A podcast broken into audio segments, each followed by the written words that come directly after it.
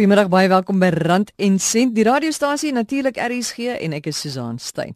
Nou, soveel programme is gewy aan verlede maand se begroting om dit van voor tot agter te dek en alles te verduidelik. So ek het gedink ek gaan julle nie ook nou nog daarmee doodgooi nie. Maar toe skryf 'n luisteraar en hy sê, "Kan julle nie uitvind hoe so 'n nasionale begroting saamgestel word nie? Wie's almal betrokke? Is dit net die minister van finansies? Wie help hom? En hoe lank neem dit om om so iets saam te stel?"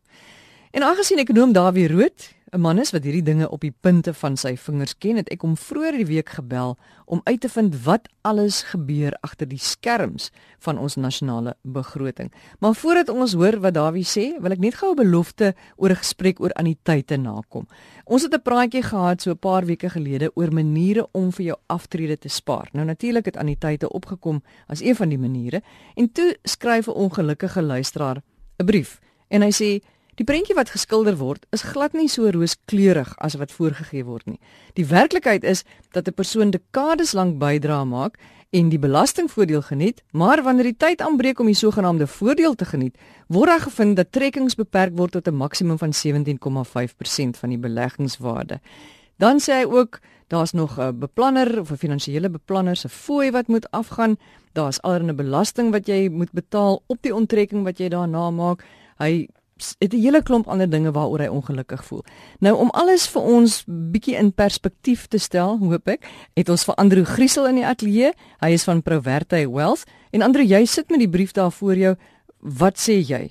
Hoe kan ons hierdie luisteraar se vrese uh, besweer of ten minste 'n bietjie inligting gee oor anniteite en die vrae wat hy gevra het?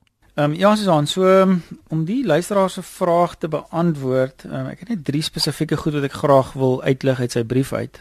Die eerste kommentaar wat hy lewer is dat trekkings beperk word tot 'n maksimum van 17.5% van die beleggings.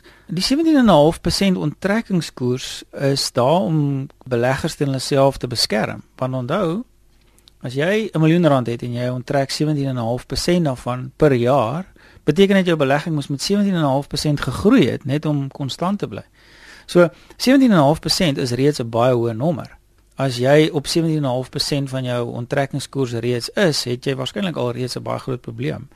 Hy verwys dan later na 'n um, beleggingsbedrag van 2.7 miljoen rand wat ek vermoed sy eie geval is en dat die 17.5% inkomste 39000 rand 'n maand verteenwoordig en dan verwys hy na die belasting wat afgetrek word in die adviesfooi.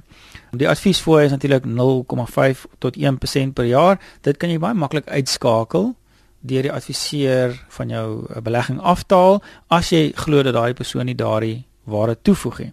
Die belasting waarop afgetrek word word afgetrek volgens skale. So een van die nadele van anniteit, ek meen en daar's baie voordele, maar een van die nadele is na aftrede word daai inkomste 100% gesien soos 'n gewone inkomste wat jy as 'n salaris sou ontvang en gewone belastingskale is daarop van toepassing jy weet die probleem is jy kan nie jou brood aan albei kante geboter hê nie want onthou in al die jare wat jy bygedra het tot jou anniteit het jy afgetrek het jy daai bydrae afgetrek vir inkomstebelasting dan so kom ons vat die gemiddelde persoon um, wat 'n baie goeie salaris verdien. Hy het waarskynlik 40% of 41% of wat ook al sy marginale koers is aftrekking van daai bydrae gekry al die jare. En as hy dan na aftrede begin leef van daai inkomste maar hy leef nie net uit dit uit nie. Hy gebruik dalk 'n kleinerige gedeelte, dan is die effektiewe belasting wat hy op die inkomste gaan betaal dalk 18% of 20%. So dit is nog steeds baie voordelig uit 'n belastingoogpunt uit. So daardie kommentaar van hom uh, is effens moeilik om om op om op te antwoord want dit is maar wat dit is en ek en ek glo nie dit is 'n onregverdige bedeling of 'n onregverdige uh, situasie rondom anniteite nie. Die laaste kommentaar ehm um, ja wat hy dan net maak is hy sê daar is 'n 20% wat tussen neus en ore verdwyn. Nou dit verdwyn nie tussen neus en ore nie. Daai 20% is die belasting wat jy daarop betaal het. Daaroor het ons reeds ge gepraat en in lengte van eh, tot in lengte van data wel 82.5% ad infinitum belasting en fooie genereer. Ek neem aan hy het by 82.5% gekom deur 17.5 af te trek van 100. Ja, ek meen dis nie regtig hoe dit werk nie. So jy begin met 'n fonds, jy onttrek 'n persentasie waar, waarmee jy kan leef. Dit is op jou diskresie hoeveel jy wil trek, so niemand verplig jou om dit te trek nie. maar 'n ou moet weet dat die inkomste is belasbaar. En dan sê hy ten slotte dat sou die persoon sonder erfgename te sterwe kom, vat die die finansiële beplanner, lyk like dit vir my FBP en staat die lot. En ek meen dit is net eenvoudig die waarheid. By lewende anniteit moet jy 'n beginsigte aanwys en dit hoef nie familielid te wees nie. Op die einde van die dag kan ehm um, die luisteraar omdat jy hom so mooi help vir jou die beginsigte maak as hy geen ander het nie. Ou moet net altyd onthou dat daar as 'n board of trustees van anniteitsfonds wat ultimately gaan moet sê hulle is gemaklik dat hierdie geld na daai persoon toe gaan. So hulle sal gaan kyk hierdie persoon regtig geen erfgename nie. Maar daar's geen waarheid in in daai stelling dat die staat of die finansiële beplanner die fondse sou vat nie. Ons het al hierdie gesprek gehad oor die twee verskillende soorte anniteite. Is daar nie so is dit nie so dat met die een anniteit dat jy wel dan as jy ehm um, dat jy kan kies hoeveel geld jy wil uitneem, maar dan verloor jy weer iewers anders nie. Ja. So ek ek vermoed die luisteraar het hierdie twee konsepte 'n klein bietjie verwar. Ehm um, want hy praat in die eerste deel van sy brief heeltyd oor die 17.5% en die inkomste wat hy trek en die belasting daarop. En dis um, uit en uit die definisie van 'n lewende anniteit.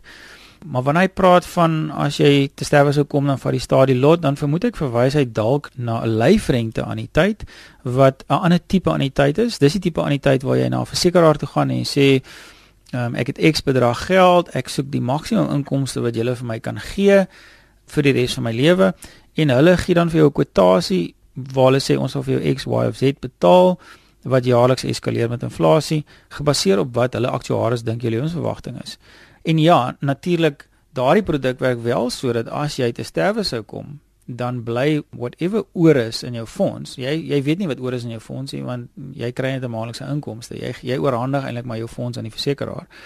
Maar agter die skerms, jy weet as hulle 'n pot geld en hulle betaal aan jou uit, whatever oor is, steek die versekeraar in sy sak, nie die staat nie en ook nie die finansiële beplanner nie.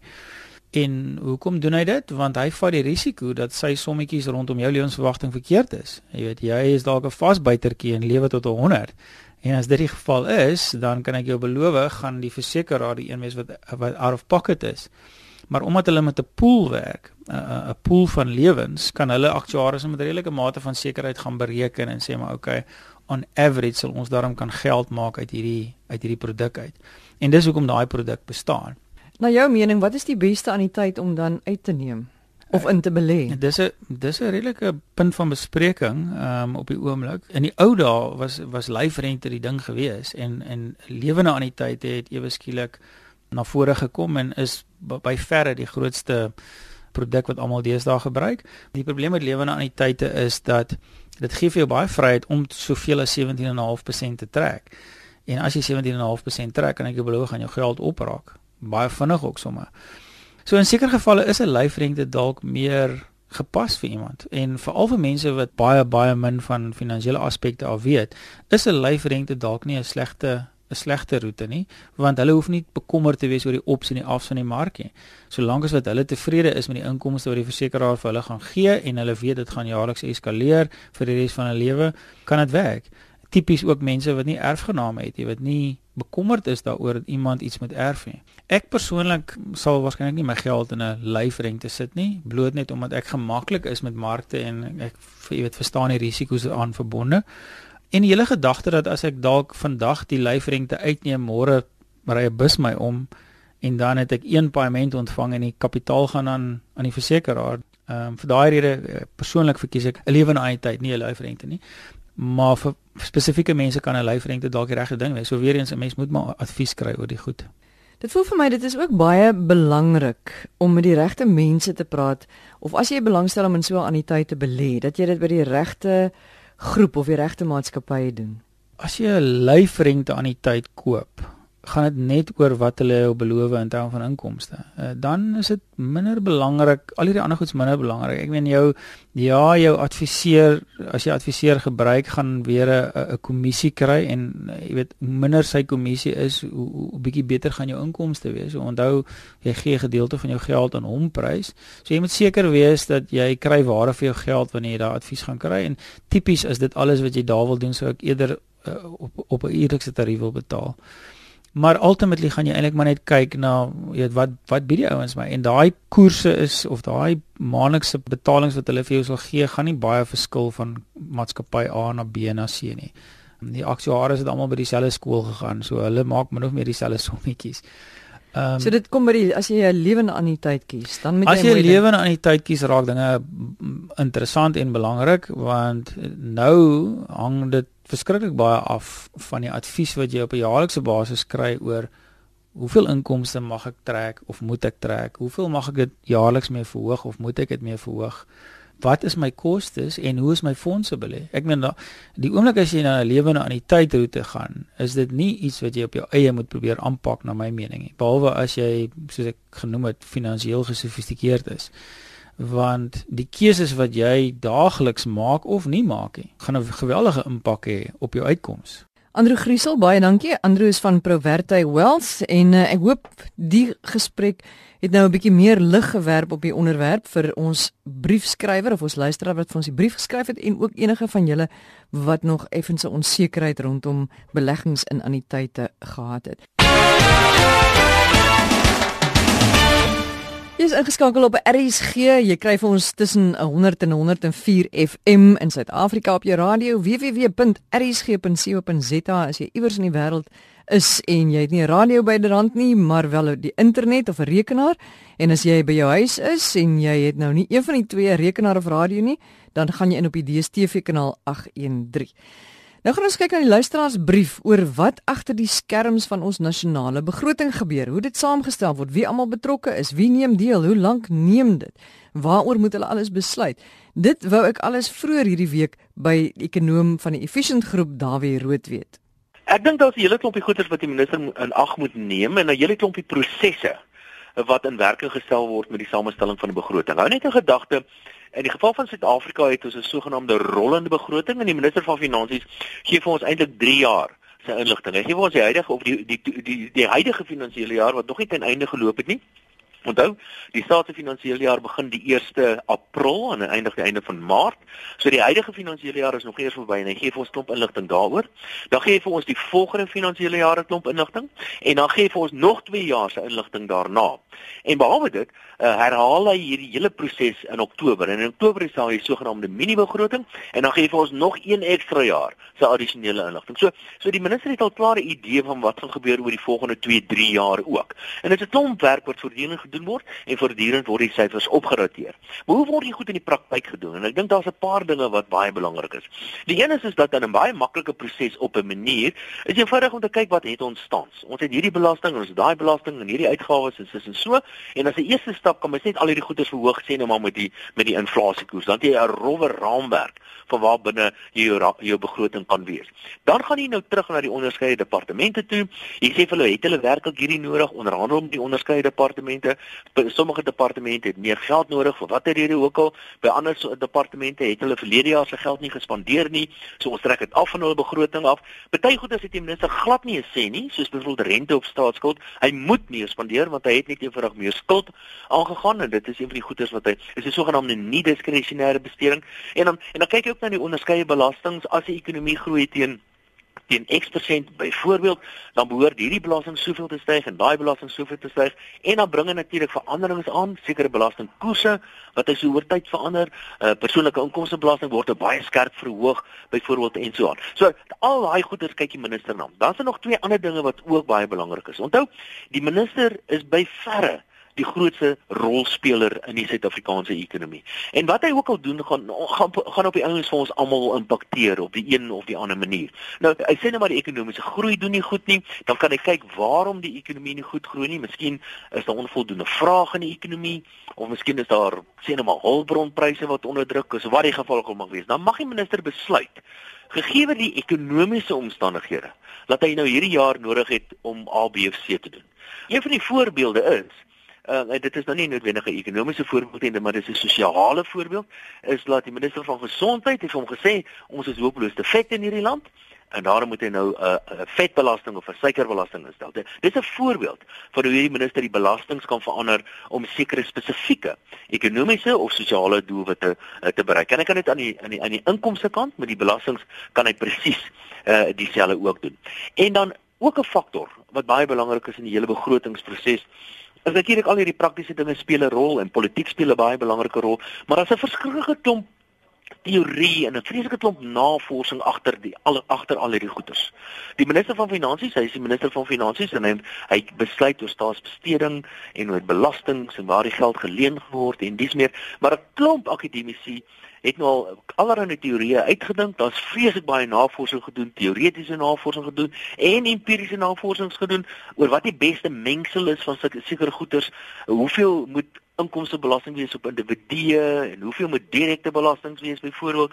Hoeveel moet die, hoeveel moet daai, hoeveel moet sis en hoeveel so en hoeveel moet die staat spandeer op dit en dat en alles. So daar's ook en die, dan probeer die minister natuurlik om 'n belastingstelsel daar te stel wat ten minste teoreties daarom voldoen aan hierdie hierdie vereistes wat wat daar klomp slim ouens oor baie klomp boeke geskryf het. Dawie se met ander woorde, hy gaan sit en besluit, okay, ek moet die mense red van hulle self, so ek gaan hulle 'n bietjie swaarder belas dan nou op suiker en soetgoed en rookgoed en en en alkohol, want ons wil hê die mense moet gesonder lewe. Soos jy net nou gepraat het van die sosiale impak waarna hy kyk. Ja. Dan gaan sit hy ook en hy dink jy sê, okay, die die ouer mense kry swaar, hulle het nie genoeg nie, so ek gaan vir hulle 'n bietjie meer gee. En dan besluit hy studente, ek moet na studente kyk want dis belangrik dat studente studente studeer, daar's nie genoeg geld nie, so ek gaan vir hulle vir jare 'n bietjie meer gee. En dan so besluit hy weer maar okay, as ek vir hulle 'n bietjie meer gee, dan moet ek weer by iemand anders 'n bietjie meer vat. Dis heeltemal korrek. Die minister het hy het 'n koek tot sy beskikking. Jy weet tipies wat hy sal doen.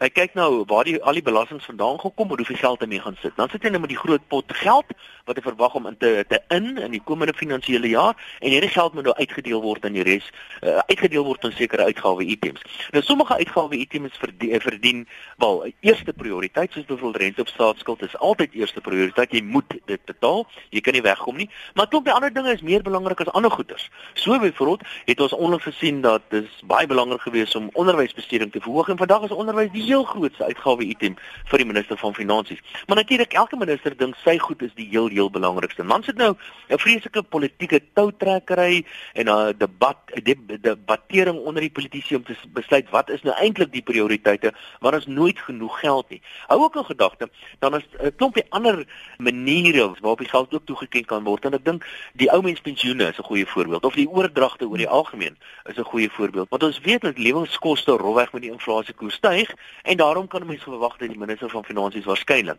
ja hierdie oordragte vir hom na ou mense of na die kinderoordragte en dies meer so rofweg met die inflasiekoers uh, sal dit toeneem. So op die ou end is 'n begroting altyd 'n kompromis dis altyd 'n kompromis in 'n sogenaamde balanseertoertjie tussen 'n klomp goeders, tussen politieke verwagtinge, tussen 'n uh, sosiale eise wat gestel word in baie gevalle, die ekonomiese realiteite, uh die teoretiese samestelling van die verskillende belastings en dies meer. En dit is dit is 'n werklik ware voltydse job. Om om 'n minister van finansies te wees, moet jy tegnies baie baie sterk wees om te verstaan waar waar al hierdie bewegende uh, wiele bymekaar uh, kom en wat die beste balans gaan wees. Dit gaan nooit 100% reg wees nie. En dan gaan gaan 'n klomp mense wees wat altyd ontevrede is. Maar ergens dit op 'n manier is daar 'n beter balans as iets anders. Maar Dawie, hoe lank neem dit hom? Is hy die hele jaar besig daarmee of is daar sien nou maar 'n paar maande van die jaar wat hy sê, "Sjoe, ek moet nou weer gram begroting uitwerk, laat ek nou maar saans gaan sit agter my rekenaar en my kantoor deur toemaak." dis 'n deurlopende voltydse proses. En dis nie net die minister van finansies wat daarbey betrokke is nie. Onthou, daar's 'n klomp experts by die minister van finansies op goede soos byvoorbeeld die verskeie belastings, want die verskeie belastings het elkeen 'n ander impak. Byvoorbeeld BTW het 'n ander impak op die ekonomie, as net maar 'n verhoging op persoonlike inkomstebelasting. En dit is nie net die minister en sy span wat kyk na die begroting nie. Hulle werk saam met die Reserwebank ook. En hulle gaan na die Reserwebank toe en hulle vra vir die Reserwebank hulle eie vooruitskattinge vir ekonomiese groei en die Reservebank self sal nou navorsing doen oor die minister se syfers en oor fiskale beleid. Baie akademiese instellings omtrent al die universiteite doen die een of ander vorm van navorsing oor fiskale beleid. Hulle is voortdurend in kontak met die minister. 'n Klomp ander instellings soos byvoorbeeld onsself kyk elke jaar of elke maand na die staat se syfers om te kyk hoe dinge vorder, hoe die staat se inkomste vorder en die uitgawes vorder en ons skryf daaroor in die ander akademiese instellings en beleggingsmaatskappye en, uh, en verskeie finansiële instellings en banke doen navorsing oor skryf daaroor en praat met mekaar daaroor. So hierdie is 'n voortdurende en 'n deurlopende proses wat net eenvoudig nooit ophou nie. Uh, Mense kan nie sê die begroting begin vandag en eindig op daai dag en dan gaan die nuwe een begin nie. Dis 'n deurlopende proses wat nooit ophou nie. Wat kom eerste, is daar 'n bedrag geld waarmee hy werk en dan besluit hy hoe gaan ek dit nou uitdeel of besluit hy eers hierdie afdelinge dit nodig, daai afdelinge dat nodig en daarom moet ek die belasting of die begroting so saamstel dat ons hierdie bedrag geld kan in? Daar's 'n vreeslike klomp navorsing wat gedoen word oor fiskale beleid. En so terloops die woord fiskus is 'n ou latynse woord wat beteken mandjie. Want die ouens het in verlede hulle belasting in 'n mandjie betaal en die staatsuitgawes is dan vanuit hierdie mandjie betaal wat en die woord fiskus of dan fiskaal wat nou waar die woord fiskale beleid vandaan kom kom van die aanvanklike latynse woord wat beteken mandjie. Dit is nie heeltemal korrek om te dink of so eenvoudig deur te dink dat die minister sê hy gaan soveel geld kry en nou gaan ek dit uitdeel op 'n manier nie. Uh al hierdie goederes loop soort van gelyktydig. Onthou, daar's 'n klomp maatstawwe om te kyk hoe die staat se finansies presteer. So byvoorbeeld, kyk ons na die staat se uitgawes as 'n persentasie van die ekonomie, of die staat se inkomste as 'n persentasie van die ekonomie, of die persentasie van indirekte belastings as 'n persentasie van die totale belastings. Of ons kyk na die fiskale tekort wat 'n primêre tekort kan kan wees en al en ons kyk na die staat se skuldvlakke, ook uitgedruk as 'n persentasie van die as 'n persentasie van dat. So al hierdie goeders word soos 'n soort van deurlopend almal saam na gekyk en hierdie hele proses word die heeltyd saamgedryf. En dan kan mens sien soos die proses vordering maak en soos belastings verander word oor tyd en uitgawes verander word oor tyd en lenings uh, neem toe of neem af oor tyd, so kan mens sien dat van hierdie syfers begin geleidelik in die verkeerde rigting te beweeg. Wat wat tans die geval is in Suid-Afrika, klomp van hierdie syfers beweeg in die verkeerde rigting en ons gaan baie diep in die moeilikheid kom as ons nie goeders begin verander nou nie. Daarby nou elkeen van ons het maar 'n idee, ons eie idee oor wat die wat 'n goeie begroting nou is, maar wat sê julle, wat maak 'n begroting 'n goeie begroting? Wel 'n goeie begroting is natuurlik 'n begroting en mens moet reali real, realisties wees oor 'n klomp dinge. Daar's politieke realiteite en sosiale realiteite, maar ook ekonomiese en finansiële realiteite. En ek dink 'n goeie begroting is seker 'n begroting wat al hierdie goedes in ag neem op die een of ander manier. Dit maak nie sin om die beste teoretiese begroting op die aarde voor te lê uh, as minister van finansies nie, maar die volgende dag gaan jy jou job verloor want dit is polities net eenvoudig nie aanvaarbaar nie. So die minister moet altyd 'n oog oor die politiek oog gee. Maar maar ek vanuit my spesifieke oortuiging en my spesifieke ideologiese waardes wat ek aanhang, uh, dink ek 'n goeie begroting is 'n begroting waar die staat die belastingbetalers se geld baie effektief en baie goed aanwend op goederes wat hy veronderstel is om die geld aan te wend. Nog 'n baie belangrike maatstaf vir my sekerlik is is dat die staat se skuldvlakke moenie vlakke begin bereik wat nie meer gehandhaaf kan word nie. En die staat se skuldvlakke moenie meer as 'n sekere vlak styg byvoorbeeld nie, want dan gaan allerlei ander probleme begin plaasvind. Nee, ons tyd is nou ongelukkig verstreke, maar dit is dan nou min of meer om julle idee te gee van wat die minister alles in gedagte moet hou wanneer hy dink daaraan om die begroting op te stel, as jy nou nie geweet het nie. Dankie vir die saamluister, baie dankie. Dit was Dawie Rood, hy is 'n ekonom van die Efficient Groep en dankie luisteraars vir die saamluister. Ons gesels volgende week verder. Onthou die e-posadres vir Rand en Sent is rsg@randencent@gmail.com. rsg@randencent by gmail.com. Ek Susan Stein groet tot volgende Sondag. Totsiens.